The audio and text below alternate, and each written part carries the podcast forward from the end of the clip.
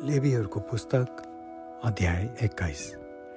परमप्रभुले मोसालाई भन्नुभयो हारुरका छोराहरू पुजारीहरूलाई यसो भन् तिमीहरूका आफन्त कोही मर्दा तिमीहरू कसैले मुर्दा छोएर आफूलाई अशुद्ध नपार्नु।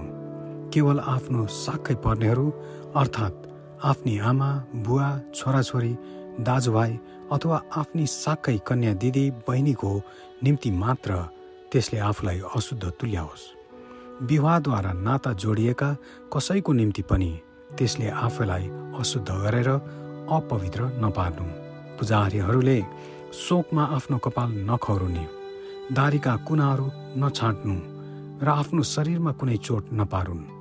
आफ्ना परमेश्वरको निम्ति तिनीहरू पवित्र रहन् अनि आफ्ना परमेश्वरको नाउँ अपवित्र नगरून् किनकि तिनीहरूले परमप्रभुको निम्ति आगोद्वारा चढाइने बलि अर्थात् परमेश्वरको भोजन चढाउने गर्दछन्। यसकारण तिनीहरू पवित्रै रहन्। तिनीहरूले कुनै बेस्या वा बिग्रेकी स्त्री अथवा पतिले त्यागेकी स्त्रीलाई नल्याउन् किनभने पुजारीहरू आफ्ना परमेश्वरको निम्ति पवित्र छन्। तिमीहरूले पुजारीहरूलाई पवित्र मान किनकि तिनीहरूले आफ्ना परमेश्वरको भोजन चढाउने गर्दछन्। तिनीहरू तिमीहरूका निम्ति पवित्र हुन् किनकि तिमीहरूलाई पवित्र बनाउने म परमप्रभु पवित्र छु। कुनै पुजारीकी छोरीले विषय काम गरेर आफूलाई अशुद्ध गरी भने त्यसले आफ्ना आमा बुवाको अपमान गर्छे। त्यो आगोमा जलाइयोस्। जो आफ्ना दाजुभाइमा प्रधान पुजारी भएको छ र जसको शिरमा अभिषेकको तेल खन्याइएको छ अनि जो पुजारी पदको वस्त्र लगाउनलाई अलग गरिएको छ त्यसले आफ्नो शिरको कपाल शोकमा नफुकाओस् अनि आफ्नो लुगा नच्यातोस्।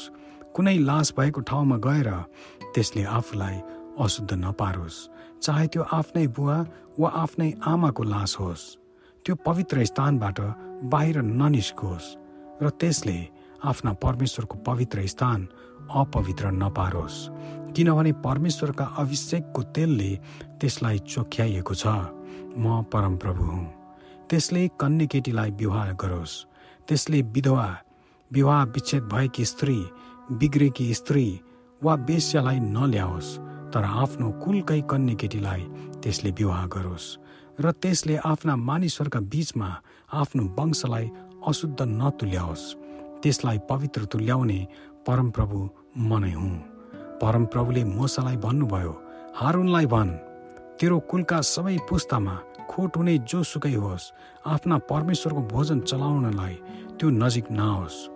खोट भएको जुनसुकै मानिस होस् अन्धा वा लङ्गडा रूप वा अपङ्ग बिग्रेको खुट्टा कि हात बाङ्गिएको कुप्रे बाउन्ने आँखाको रोग भएको पाकेको घाउ भएको अन्डमा चोट लागेको कोही पनि नजिक नहोस् हारुन पुजारीका वंशमध्येको खोट भएको कोही पनि परमप्रभुको निम्ति अग्निहोम चलाउनलाई नजिक नहोस्।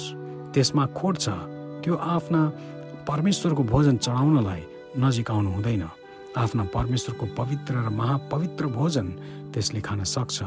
तर त्यसमा खोट भएकोले त्यसले पर्दा र वेदीको नजिक आएर मेरो पवित्र स्थान अपवित्र नपारोस्।